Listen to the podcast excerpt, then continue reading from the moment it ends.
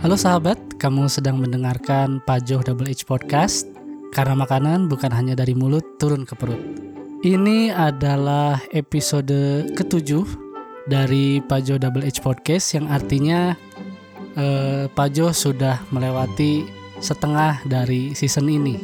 Karena rencananya Pajoh akan mempublish 12 episode di season pertama ini. Nah, eh, tamu spesial saya kali ini adalah seorang chef sesuai dengan judulnya Cook for a Living. E, langsung kita sapa aja ya tamu spesial kita di episode ini namanya Alvin. Yang tadi saya bilang dia itu adalah seorang chef, tepatnya adalah seorang eksekutif chef di Hotel Aruna Senggigi. Kita langsung sapa aja ya. Halo Chef Alvin. Halo, halo. Uh, apa kabar nih Mas Heru? Baik, baik, alhamdulillah. Gimana nih? Uh, udah berapa lama ya kita nggak ketemu ya? Ih, udah lama banget ya dari 2016 sampai 2021, lima tahun nggak berjumpa nih. Iya. Baru ketemu sekarang di podcast nih. nah, Chef Alvin ini uh, saya mengejutkan saya karena udah lama gak ketemu tiba-tiba jadi eksekutif chef. Dan fun fact-nya adalah dia itu masih terbilang muda. Umur 29 tahun ya bro ya? Ya dua uh, sebenarnya sih awal pertama incas eksekutif chef sih di umur 28 sih bro. 28 ya? 28 tapi yang benar-benar incas uh, sebagai nomor satu ya di umur 29 sih. 29 mantap mantap mantap. Uh, uh. Jadi waktu itu pernah di restoran jadinya. Tapi di... levelnya masih chef kan. Uh -huh. uh, terus uh, betul-betul uh, jadi eksekutif chef tuh di umur 29 ya di Aruna Senggigi nih di Lombok. Nah, kita kan kerja bareng itu dulu di Sentul itu tahun 2016 terus gue cabut Nah, lu di sana sampai tahun berapa bro? Kalau di mana nih? Di Sentul. Di Sentul satu tahun dua bulan. Satu tahun dua bulan. Satu tahun dua bulan langsung uh, ke restoran yang gue bilang tadi tuh. Uh. Jadi jadi head chef nggak lama tapi kan karena ada panggilan di Batam di Barelang situ di Hotel Haris ya Oh, lu sempat ke Batam juga ya? Uh, di Batam jadi susef. Nah, di Batam itu incas eksekutif chef empat bulan karena chefnya nggak ada waktu itu kan hmm. opening tim. Nah, di situ sebenarnya dapat challenge juga sih di situ. Hmm. Di sana dapat satu tahun. Oh, dapat satu tahun di sana ya? Dapat satu tahun. Sebelum akhirnya gue ke Kroasia. Nah, eh di Kroasia ini mungkin uh, kemarin lu sempat ngobrol bahwa lu kerja seasonal worker ya? Ya betul seasonal worker di Kroasia uh, eh, 8 bulan itu tepatnya sih di Far Island. Jadi di sana makanannya Asian. Jadi gue sih CDC di sana di uh, restoran di Far Island itu. Jadi CDC di sana 8 bulan. Nah, mungkin bisa dijelasin nih ke sahabat Pajo yang mungkin belum paham apa sih seasonal worker itu? Uh, Oke, okay. seasonal worker itu ya kalau kita bilang pekerja apa ya namanya? Kalau seasonal itu kan di sana tuh punya musim summer ya, yang di mana turis pada datang di bulan-bulan sekitar Juni, Juli, Agustus itu peak peak season banget. Nah itulah apa ya dibilangnya tuh pekerja musiman ya. 8 yeah, iya. bulan yeah. nanti kar ketika winter kita pulang. Iya yeah, iya. Yeah. Karena di sana activity kalau di Kroasia activity kalau summer lebih apa ya? Lebih silent di ya? rumah ya? aja mereka uh. Uh, uh, lebih masak sendiri. Summer tuh kayak kayak kesempatan orang-orang untuk keluar nikmatin udara panas, nikmatin matahari, angin pantai gitu kan. Iya betul bro. Dan di sana juga seasonnya itu ada dua dua season ya bisa dibilang. Jadi eh, kayak di bulan Juni Juli itu seasonnya sampai Agustus yang muda-muda gitu kan. Nanti Mhm. setelah Agustus September Oktober tuh yang apa namanya yang sudah berumur lah yang liburan gantian mereka tuh kayak gitu Oh, Jadi- tamunya maksudnya? Heeh. tamunya. Jadi kita udah bisa baca gitu. Oh. Jadi ketika eh, peak season Juni, Juli, Agustus, nanti Agustus, September, Oktober tuh menunya berubah gitu. Karena kan kita menyesuaikan tamu kan. Nah, eh, nama restorannya apa tadi, Bro? Kalau di sana ada dua ya. Hmm. Jadi yang Asiannya namanya Spice, Oke. Spice. Yang satu lagi Western Hannibal namanya. Nah, sebenarnya gue incas di dua-duanya sih. Oh, gitu. Berarti dua-duanya nge-serve eh, Asian cuisine juga. Jadi yang Hannibal tuh Western, jadi Mediterranean sih jatuhnya. Oh. Karena kan eh bersebelahan sama Itali kan. Oh, gitu. Jadi memang makanannya mirip-mirip lah. Oke, maksudnya lu pas di Hannibal itu lu masak makanan apa? Eh Mediterranean pasta juga ada, terus makanan-makanan lokal sana Oke. kita buat juga gitu. Karena Terus kalau yang di Asiannya Mhm. lebih banyak campur sih Asiannya di sana ya Indonesian ada, ada Chinese juga ada gitu. Nah, berarti lebih ke Far East ya, bukan ke bukan ke Campur, Chinese, ya. Indian gitu. eh iya Far East sih sebenarnya. Terus eh, menunya di sana eh, pas di Spice itu lu masak yang paling apa ya? Yang paling bikin kita bilang ownernya dulu deh, yang bikin ownernya emes masakan apa lo? eh justru makanan yang benar-benar di sana bikin bangga gue juga masak nasi goreng bro itu Nasi- cuman na- nasi goreng aja cuman kayak masak di luar tuh kayak ngerasa di rumah gitu karena ada beberapa tamu eh, Indonesia juga dan tamu luar tuh yang udah pernah makan eh, nasi gorengnya di, tepatnya kebanyakan di Bali gitu. Dan dia merasa di sana nah tesnya mirip katanya. Seperti yang saya pernah coba di Indonesia. Itu yang benar-benar kayak ngerasa eh, apa nasi goreng aja tuh keren gitu buat gue tuh kemarin. Ketika gue ada di Kroasia kemarin tuh. Berarti lu bisa mempertahanin original recipe sama original taste-nya ya? iya betul. Karena di sana dibilang susah untuk bahan-bahan sih nggak susah. Tapi harganya itu lebih mahal. Tapi karena dari sisi owner sengaja mengambil kita yang dari Indonesia karena tesnya Indonesia kan lebih bagus ya. Mhm. nah itu yang itu yang jadi apa namanya jadi visi misi kita untuk mempertahankan makanannya seotentik mungkin bro kemarin itu di sana Dan Hmm. alhamdulillahnya bagus untuk season kemarin di tahun 2019 cukup bagus banget sih. Kita itu setiap malam itu eh, cover kalau dinner tuh sekitar hampir 500 orang setiap harinya. 500 orang, 500 packs. tuh. 500 orang. Iya, 500 pack. Wah. Per hari tuh dua dua outlet berarti ya? Dua outlet. Sebelah-sebelahan outletnya tapi kita memang bangkunya itu jadi di sana itu bagusnya itu tamu itu bertahan paling paling lama 15 menit 25 menit itu turnovernya bagus banget jadi cepet gitu Oh, tapi mereka makan berapa course tuh biasanya?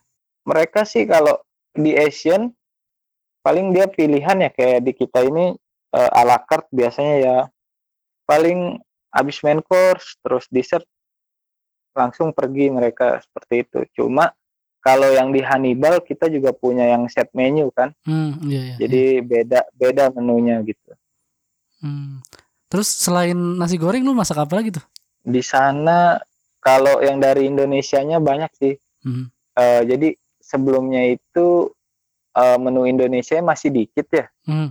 Tapi ketika kita datang ada orang Indonesia sekitar tiga orang itu kita bawa ya kayak soto bubur yang kayak gitu-gitu.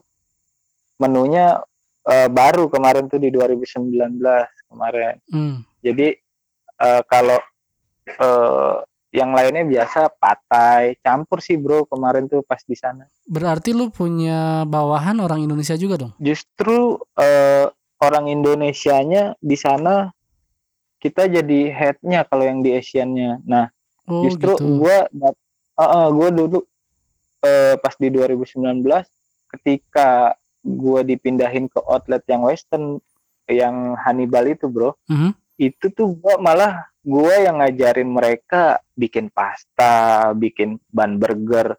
Sebetulnya ini mereka mungkin lebih jago dari gue harusnya ya kalau dia uh, dari luar iya. orang-orang yeah. kayak orang Ukraina, Serbia gitu, oh, okay. ada Macedonia, harusnya mereka yang lebih paham. Tapi kemarin itu justru dari gue yang uh, ngasih resipi, gue yang ngasih tahu cara buat burger ban, pasta itu kayak gimana, basically saus untuk pasta kayak gimana itu kemarin jadi gue yang uh, training mereka gitu. Jadi gue bangga juga gitu kan gue dari Indo lahir dari warung kecil, belajar dari warung nyokap gue, gue bisa ngajarin orang-orang bule itu masak makanan dia justru gitu loh.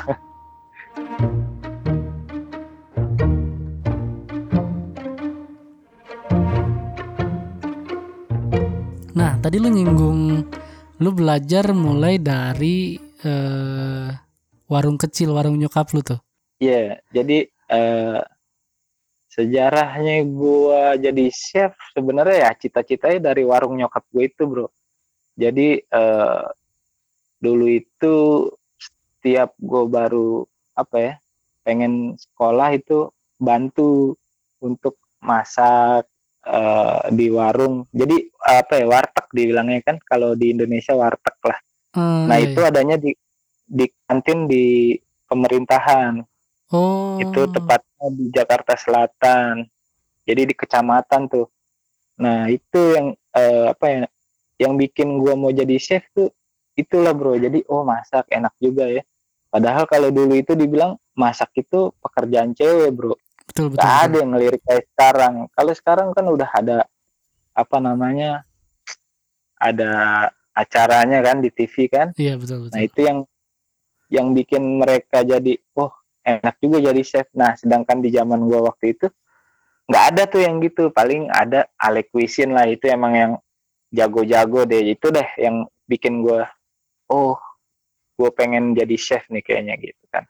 Berarti Dan lu dulu tuh uh, gimana kan dulu tergiurnya uh, mungkin untuk sekarang udah banyak yang tahu ya. Kalau zaman dulu kan belum banyak yang tahu kalau gajinya chef ternyata besar juga gitu yeah. kalau dulu nggak ada yang tahu jadi kesempatan gue besar dulu kan kalau sekarang kan mungkin mereka berpikir bukan dari passionnya karena gajinya kalau gue kan belajar dari passionnya mm -hmm. baru nanti gaji yang mengikuti kan kayak gitu harusnya Berarti dari umur berapa tuh lu udah mulai bantu-bantu di dapur gitu? Belajar masak tuh di umur 14 tahun, 15 tahun ya, Bu. 14 tahun. Bantu Itu masak. keinginan lu atau nyokap lu nyuruh lu datang ke kitchen untuk bantuin gitu? Keinginan gue sih, Bro. Jadi gue ngeliat kan gimana ya? Karena gue juga terlahir dari orang biasa aja dan oh ini ternyata pekerjaan orang tua gitu kan. Oh, kenapa enggak sih gue bantu gitu gue hmm. toh ini juga kan bakal bekal gue nantinya kalau bisa masak kan bagus gitu nah dari situ kok jadi kayak gue cinta nih sama masak gitu. Jadi kayak hobi. Jadi gue ngerjain ini tuh kayak hobi. Jadi hobi yang dibayar sekarang tuh. Pekerjaan hmm. gue tuh hobi yang dibayar gue jadi happy aja ngerjainnya. Nah di situlah gue udah uh, belajar masak tuh umur 14 tahun lah. 14 tahun 15 tahun ketika gue masih sekolah SMK itu. Hmm. SMK lu jurusan apa bro? SMK uh, eh, perhotelan sih. Oh, perhotelan nah memang juga. jadi sebelum sekolah itu awalnya kan bantu masak. Nah eh, gue bilang sama nyokap ini sekolah yang ada masaknya apa? Gitu. Oh ada nih SMK dulu. Namanya bukan SMK ya bro SMIP ya kan? Iya iya SMIP, SMIP sekolah penengah ilmu perhotelan. Nah iya, itu iya. deh. Terus uh, teman-teman gue tuh ngeliat ih masuk juga deh. Karena mereka kalau mereka tuh ngelihatnya bartender kan? Karena nggak ngerti gue uh, mungkin ada passionnya berbeda ya. Kalau gue sendiri ngeliat ih ada masaknya. Kebetulan nih relate sama yang udah gue lakuin nih ya udah.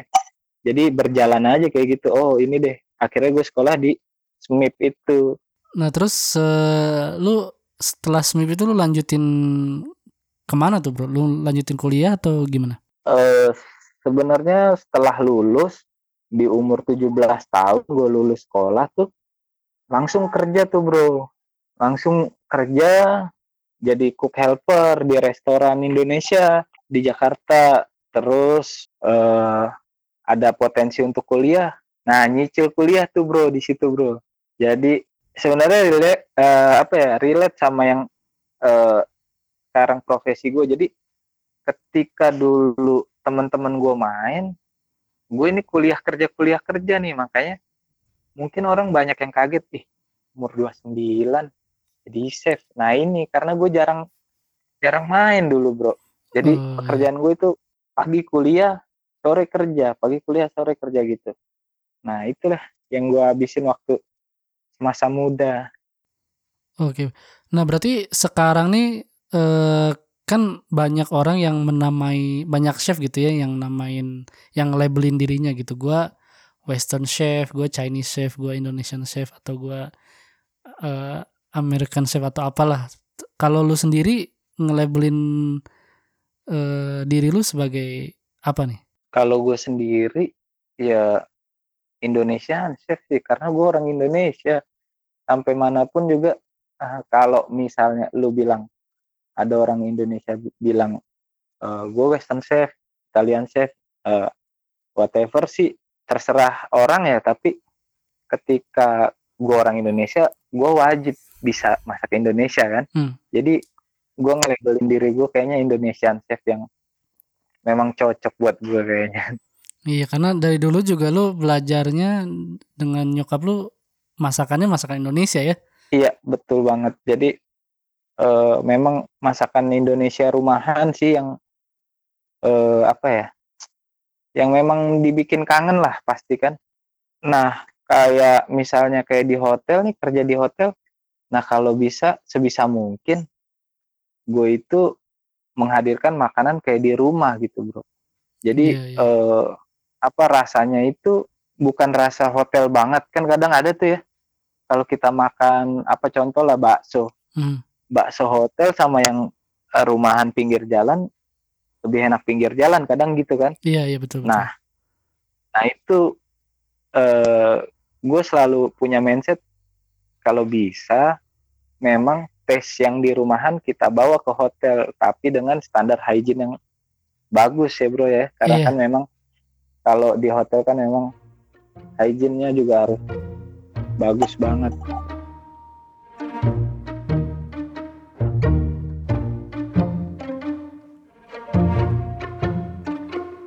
Nah itu gue tuh apa ya selalu bertanya gitu ya kenapa ya kalau masakan Indonesia dibawa ke hotel itu rasanya tuh cenderung beda dan bedanya tuh nggak sedikit gitu bedanya tuh cukup cukup jauh gitu. Itu kenapa ya kira-kira ya? Kalau itu sih kadang gini sih ya.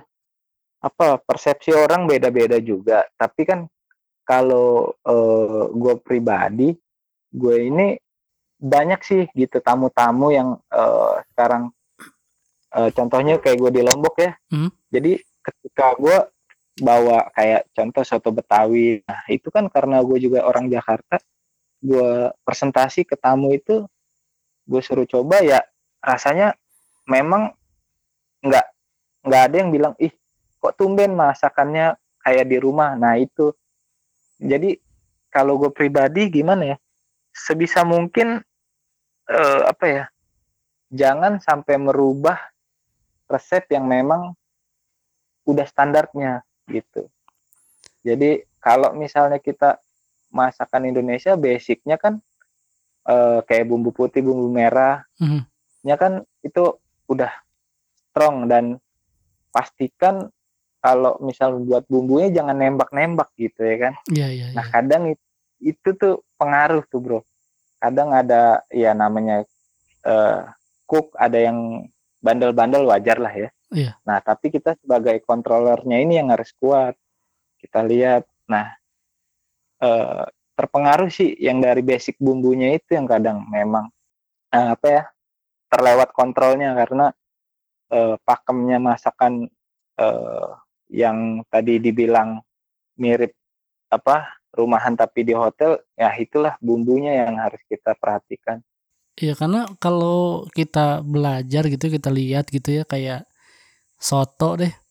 Soto kan sebenarnya rata-rata bahannya sama-sama gitu-gitu aja kan. Cuman mungkin Iya. eh, kalau soto Bandung dikurangin ini, soto Betawi dikurangin eh, ditambahin itu gitu. Ah, Terus kalau eh, itu sih benar yang tadi dibilang jadi bumbunya jangan sampai ada yang terlewat karena kan apa ya namanya kalau masakan Indonesia satu bumbu lewat aja rasanya pasti geser bro iya betul beda betul, betul. kayak masakan western ya Mhm.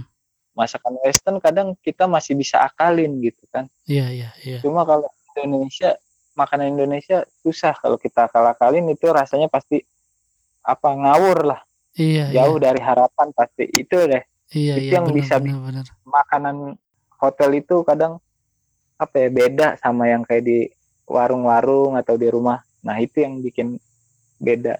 Jadi controllingnya harus harus benar ya. iya controllingnya. Karena kan teknikal masakan Indonesia dari apa ya proses pembuatannya juga kan nggak bisa dikejar kalau masakan Indonesia harus benar-benar yang timingnya harus tepat gitu. Contoh kalau kayak rendang kan kita bikin satu jam itu kan kalau misalnya kita mau ngikutin kayak di rumah ya hasilnya kurang bagus bro Iya iya. nah iya. yang kayak gitu-gitu deh yang harus kita perhatikan kan jadi eh, sama tim eh, tim kerja juga harus tahu berapa timing yang tepat terus cara pengolahannya terus bumbu apa aja yang harus dipakai itu tuh Hmm, hmm. banyak hal sih sebenarnya yang jadi faktor Kita baik lagi nih waktu lu masak, Mm. waktu lu bantuin nyokap lu di di warung lu deh, warung nyokap lu.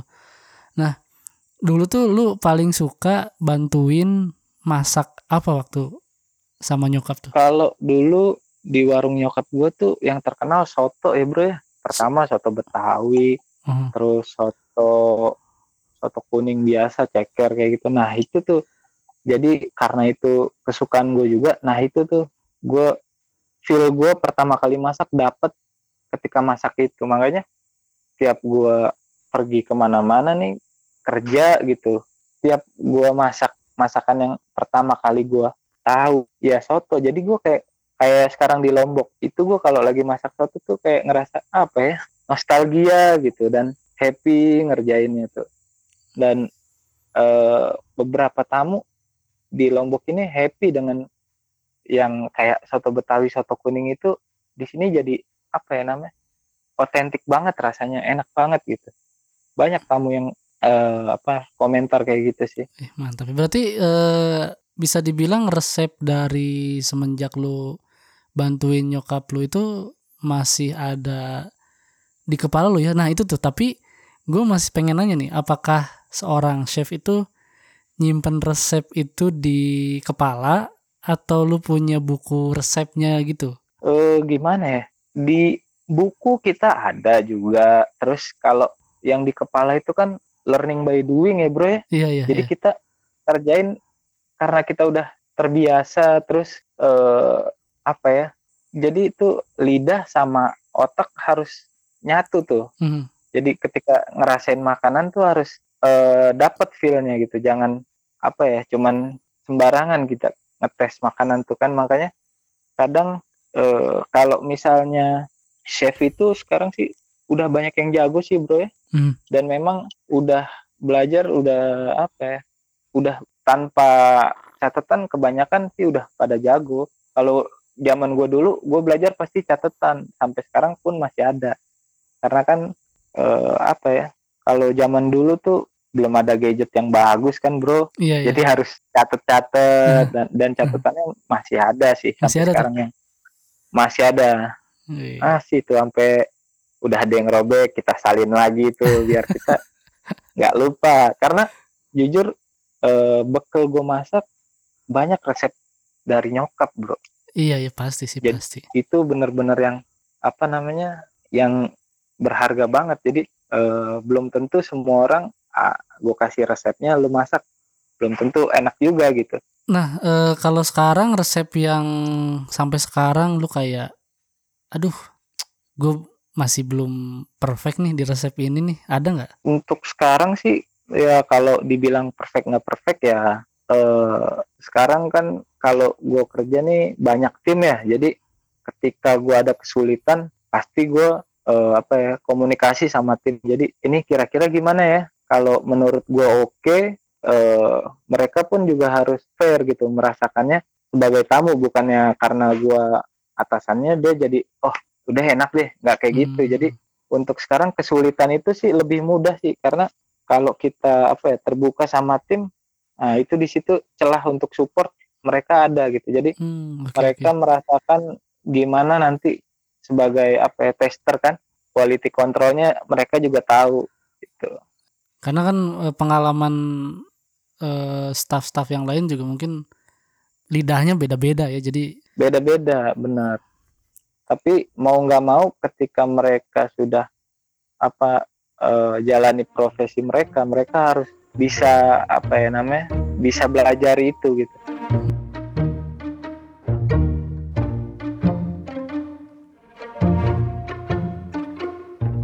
sampai kapan nih lu pengen kerja di bidang ini?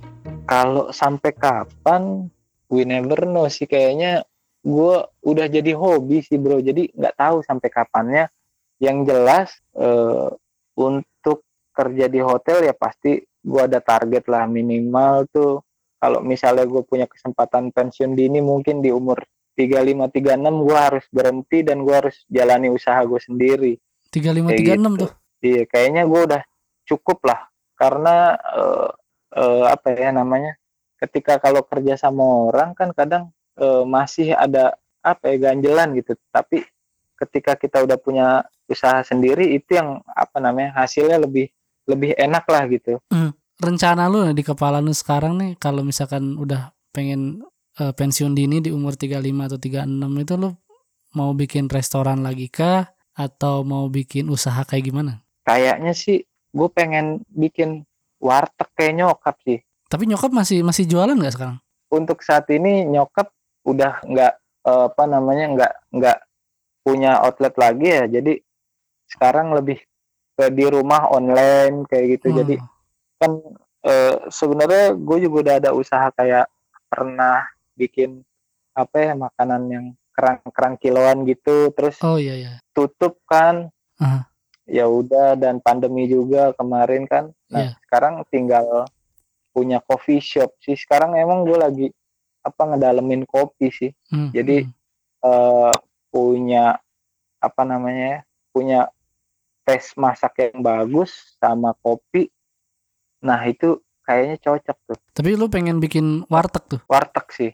Jadi kayaknya makanan seribu umat yang orang udah pasti tahu, tapi kita eh, apa namanya tempatnya harus bersih, terus penampilan apa ya namanya wartegnya, gue pengen lebih berbeda lah, karena sekarang udah banyak sih warteg yang bersih, udah banyak. Nah itulah yang kita harus pertahankan bro, Iya. iya. supaya image-nya masakan Indonesia tuh nggak apa ya, nggak jorok lah gitu Pengen buka di mana kira-kira, Bu? kalau bisa buka di mana-mana sih bro di Jakarta gua harus punya di Lombok sendiri gua harus punya juga gue pengen kayak gitu sih kayaknya sih memang kalau misalnya punya di mana-mana kan kita bisa mobile mobile ya jadi bisa stay di Jakarta berapa hari terus di karena di Lombok sendiri itu emang potensi banget sih untuk bikin masakan-masakan yang kayak rumahan kayak gitu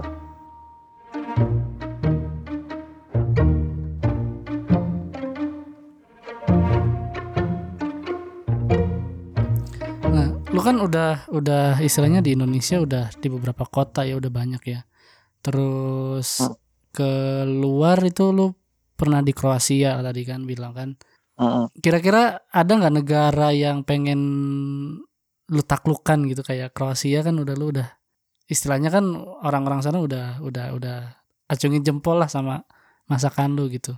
Negara lainnya kira-kira negara mana nih? kalau negara sih gue lebih pengen ke negara-negara yang apa ya yang di, bisa dibilang nggak cukup terkenal gitu kayak bagian Eropa Timur kan kayaknya kayak Kroasia terus Serbia terus Macedonia, terus ya yang kayak negara-negara yang kayak gitu sih yang kayaknya apa ya lebih potensial membawa masakan Indonesia bro karena eh, kayak kalau di Amerika kan udah ada terus Iya, iya. mungkin di Jep, eh, di Jepang banyak juga gitu udah di Belanda juga ada Iya. nah kalau misalnya di negara-negara yang belum apa ya belum banyak orang Indonesianya. Nah di situ kesempatan kita memperkenalkan makanan Indonesia sih bro. Eh, gitu ya. itu karena apa ya visi dan misi gue keluar itu sebenarnya bukan eh, sekedar cuma cari uang. Gue pengen kenalin masakan Indonesia lewat eh, apa ya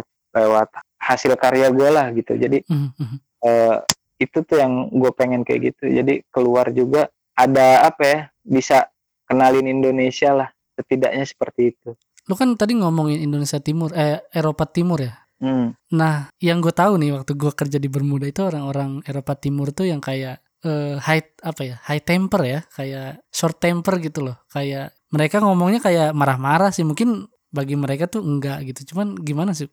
Orang-orang sana tuh sebenarnya gimana sih orang-orang lokalnya gitu? oh, orang lokalnya ramah sih bro Ramah ya? ramah banget dan ramah banget dan sampai apa ya gue aja bisa belajar bahasa mereka yang buat mereka tuh kayaknya itu susah loh kata dia. Tapi gue belajar biasa aja dan sebetulnya kalau gue bisa stay lebih lama lagi ada beberapa orang yang bilang udah deh lu jadi orang sini aja gitu kata. Sampai kayak gitu gitu. Saking baiknya gitu. Lu bisa tuh bahasa bahasa Kroasia tuh. bisa sedikit-sedikit karena ya kayak perkenalkan diri nih contohnya gini nih kayak Moje ime je Alvin ya sam iz Indonesia radim Nahvar lah kayak itu artinya nama gue Alvin gue dari Indonesia.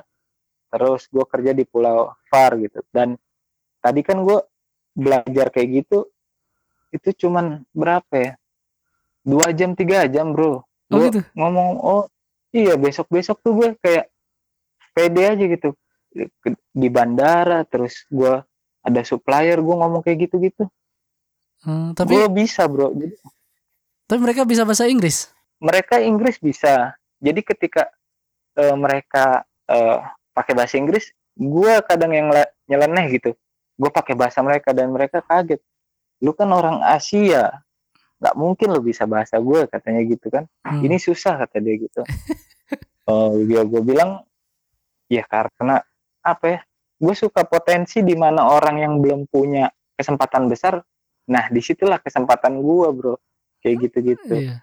dan dan kemarin itu sempet ya bisa dibilang eh gua itu orang yang dari Indonesia yang benar-benar belajarin bahasa Kroasia sendiri itu gua gitu. Jadi ya cukup orang-orang tahu gitu oh ini yang orang Indonesia nih kayak gitu. Hmm. jadi kalau kita belanja ke supermarket tuh dia udah tahu gitu. Eh, nah di antara negara-negara yang lu sebutin tadi tuh ya, misalkan ada investor orang Eropa nih, nih Vin, gua kasih duit nih, lu bikin Indonesian restoran, terserah deh di mana aja deh, negara mana yang lu pengen bikin, satu negara, di Serbia kayak kenapa? karena gue punya temen orang Serbia ya. Hmm, di dan gue lihat waktu itu ada di agenda negara mereka. Jadi ketika 17 Agustus itu mereka merayakan bro. Jadi gue kayak negara gue dihargai ternyata di Eropa gitu kan. Gue dan gue tanya-tanya sama dia eh di sana ada nggak masakan Indonesia atau Asian? Oh belum. Jadi di sana cuma ada satu bro. Itu juga di mall. Nah nah di situlah kesempatan kayak gue tuh eh, boleh juga tuh kayaknya. Nah itu deh kalau misalnya emang ada investor, gue pengen tuh di Serbia tuh kayaknya. Serbia tuh. Serbia. Tapi kan kalau kalau ngedenger nama Serbia tuh kayak udah di otak tuh udah kayak Parno gitu, udah perang atau gimana gitu. Iya mungkin ya karena mungkin eh, apa ya ada berita-berita kayak perang-perang gitu mungkin dulunya ya kan. Jadi Iya, iya. ap- apalagi orang-orang Indonesia yang nggak cukup eh, tahu negara-negara itu kan. Hmm. Jadi ya kan apa ya Yugoslavia mereka tuh kan dulunya. Iya, iya, iya, iya. mereka Yugoslavia pecahan. Nah, kemungkinan orang-orang Indonesia kan taunya yang udah negara-negara besar bro. Iya. Nah, mungkin uh, mereka parno karena mereka belum tahu untuk sebenarnya gimana sih di sana gitu.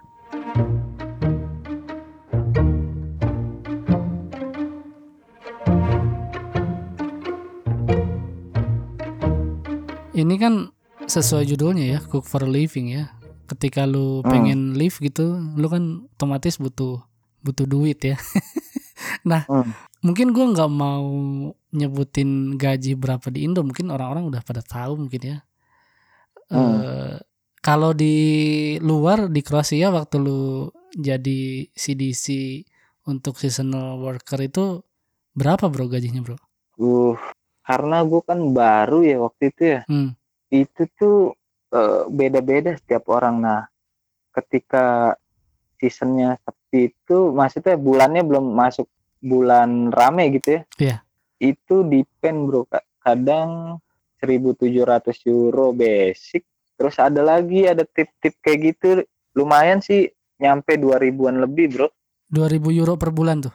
Heeh. Tapi itu sebenarnya kalau untuk negara-negara yang kayak Jerman, terus yang lainnya kota eh, apa negara-negara besar itu kecil. Tapi kalau di sana itu udah cukup besar, bro. Udah Hmm. lumayan lah. Berarti biaya Dan hidup di sana untuk- rendah juga ya?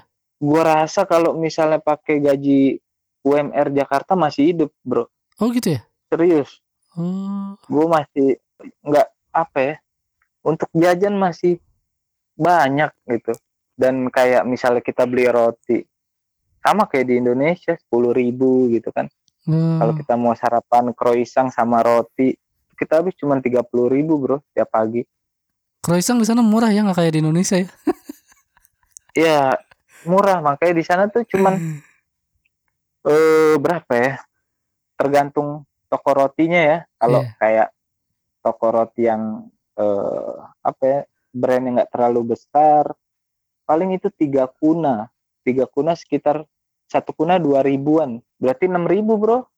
Ah, oke oke oke. kalau yang udah ada toko besar apa namanya namanya Melinar kalau di sana ya. kalau kita tuh kayak apa Jeko gitu Mhm, Every Talk lah ya mhm. misal nah itu cuma lima kuna jadi sepuluh ribu bedanya sedikit Karena kan eh, yang gua tahu itu kayak di Bermuda terus di Amerika itu kan ketika lu kerja di restoran rata-rata itu gajinya per jam. hmm. eh terus chef itu ya ini info aja buat buat buat sahabat Pajo mungkin yang bukan buat bayangan lah kira-kira berapa sih gaji chef di luar gitu. Kalau di Bermuda itu waktu itu eh chef itu kalau nggak salah 14 dolar antara 13 sampai sampai 15 per jam. Wih, Tergantung gede juga ya Eh, tergantung lu nego ke ke ownernya gitu mau digaji berapa. Memang sih kebanyakan orang Indonesia di negara-negara, let's say negara-negara yang yang lu bilang nggak nggak terkenal gitu ya. hmm. Kita tuh bisa dibilang sumber daya manusianya tuh ya di atas banget sih untuk untuk hospitality itu. Lu ngerasain Hmm. yang sama juga gak sih? kalau gue bilang iya banget sih Karena yang tadi lu bilang itu kan lu lu ngajarin bikin ban, ngajarin bikin spaghetti segala macam gitu kan. iya sih tapi eh, ya itulah yang gue bilang ternyata orang Indonesia itu apa ya jago-jago sebenarnya bro tapi mungkin kesempatan mereka yang belum ada gitu kan Iya.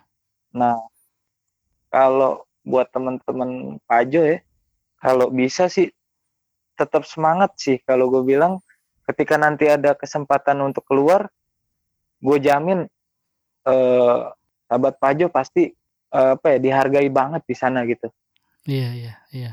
Dan dan sebenarnya banyak banget pilihan negara yang yang memang eh, nggak nggak susah untuk untuk untuk kerja di sana gitu kan.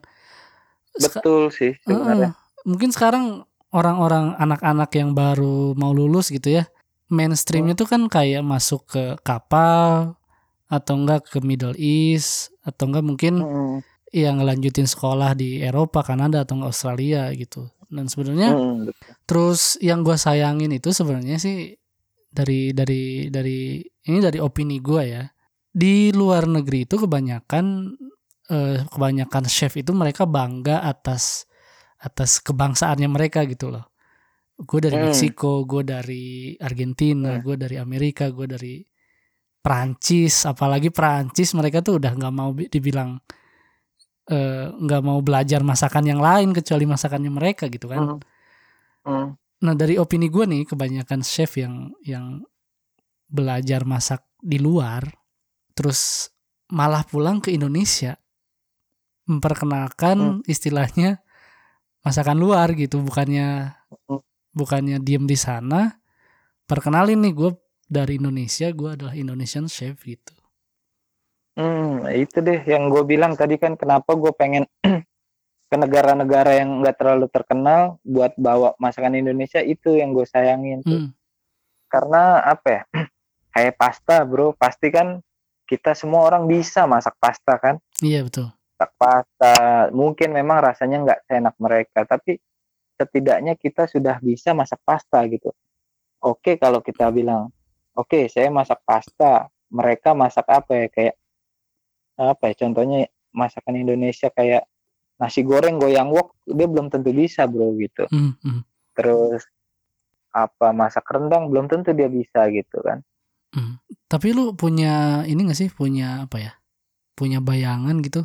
Punya restoran Indonesia terus kayak minimal one star Michelin deh gitu. waduh itu mungkin impian semua chef mungkin ya Iya. kalau untuk ngejar Michelin star tapi kan ya harus banyak beberapa tahapan yang harus kita lalui gitu ya mungkin setidaknya apa ya masakan kita itu eh, maksudnya restoran kita itu eh, perform lah gitu. Mhm. karena kebanyakan eh, restoran itu disayangkan kadang dua tahun tiga tahun tutup gitu. Itu yang eh, kalau gue pribadi gue lebih mempertahankan apa ya? Performnya restoran itu sendiri bro. Kalau untuk ada eh, Michelin star-nya mungkin itu nilai plus lah gitu apa namanya bonus Yang penting masakan lu bisa dinikmatin gitu ya. betul itu sih tujuannya jadi biar orang-orang tahu dulu deh gitu.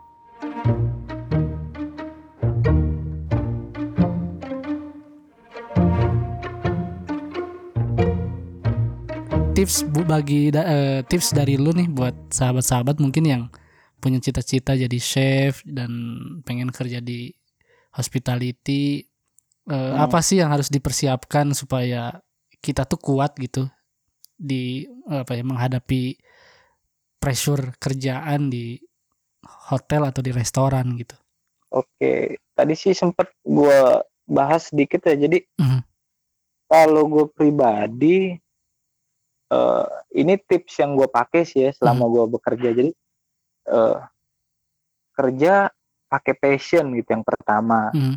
Nah kalau kita kerja itu udah kayak passion bro. Mhm. Nah kalau memang lu cintai pekerjaan lu, jadikan itu jadi hobi. Nah Mhm. ketika jadi hobi, nanti lu di situ dapat feel-nya tuh kerja tuh kan. Hmm. Nah, ketika feel-nya udah dapet, nah mindset kita kan pasti berubah nih. Kita ini kerja kayak gue nih, misalnya eh, chef.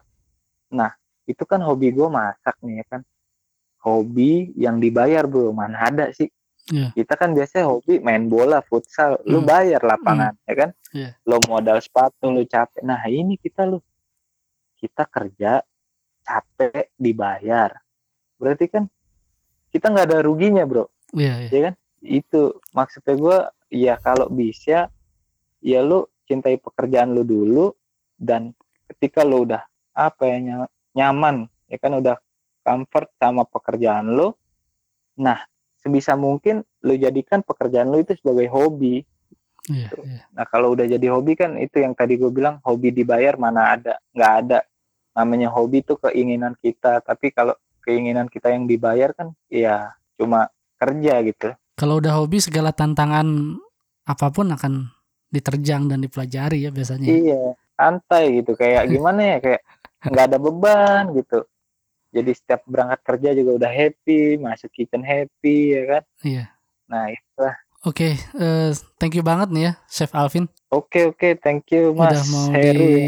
diajak ngobrol. Iya nih, eh, kalau bisa main lah ke Lombok ya.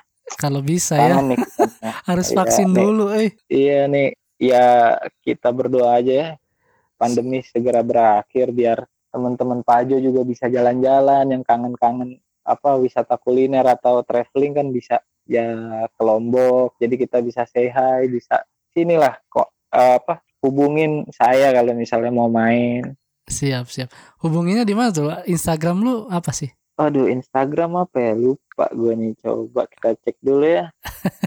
Instagram oh itu ALV M Iqbal. Jadi kan nama nama gue kan Alvin Muhammad Iqbal jadi cuman Alf ALV M Iqbal oke tuh follow gitu, tuh bro. jadi nanti mau nanya-nanya perihal kerja di luar ataupun tips and trick sharing sharing sharing sharing bisa langsung follow dan DM Chef Alvin. Oke, bisa juga mau liburan nginep gratis, kabarin aja kan. Ih, mantap. mantap. Oke, okay, sahabat Pajo, demikianlah episode Cook for a Living. Semoga uh, di episode ini bisa membawa atau memberikan insight baru kepada sahabat-sahabat yang ingin menjadi chef gitu atau bercita-cita jadi uh, chef gitu ya. Nah, jangan lupa sahabat Pajo uh, follow Instagram Pajo di @pajo_podcast dan juga jangan lupa follow Chef Alvin di Instagram @alvmiqbal. Nah, gitu ya. Oke, sahabat Pajo, eh, akhir kata saya ingin mengucapkan terima kasih banyak atas support dan waktunya untuk mendengarkan podcast ini karena ini adalah salah satu pencapaian bagi saya yang bisa dibilang luar biasa ya udah melewati setengah dari satu season gitu. Uh, untuk teman untuk sahabat yang ingin mendukung Pajo melalui donasi bisa langsung ke Karya Karsa nanti bisa diketik aja Pajo podcast di situ Uh, jadi sahabat bisa mendonasikan uangnya untuk melalui Pajo untuk uh, kami salurkan kepada orang-orang yang membutuhkan gitu ya. Oke, akhir kata saya mengucapkan terima kasih banyak. Jangan lupa mendengarkan episode Pajo setiap hari Rabu dan sampai jumpa di episode berikutnya. Wassalam.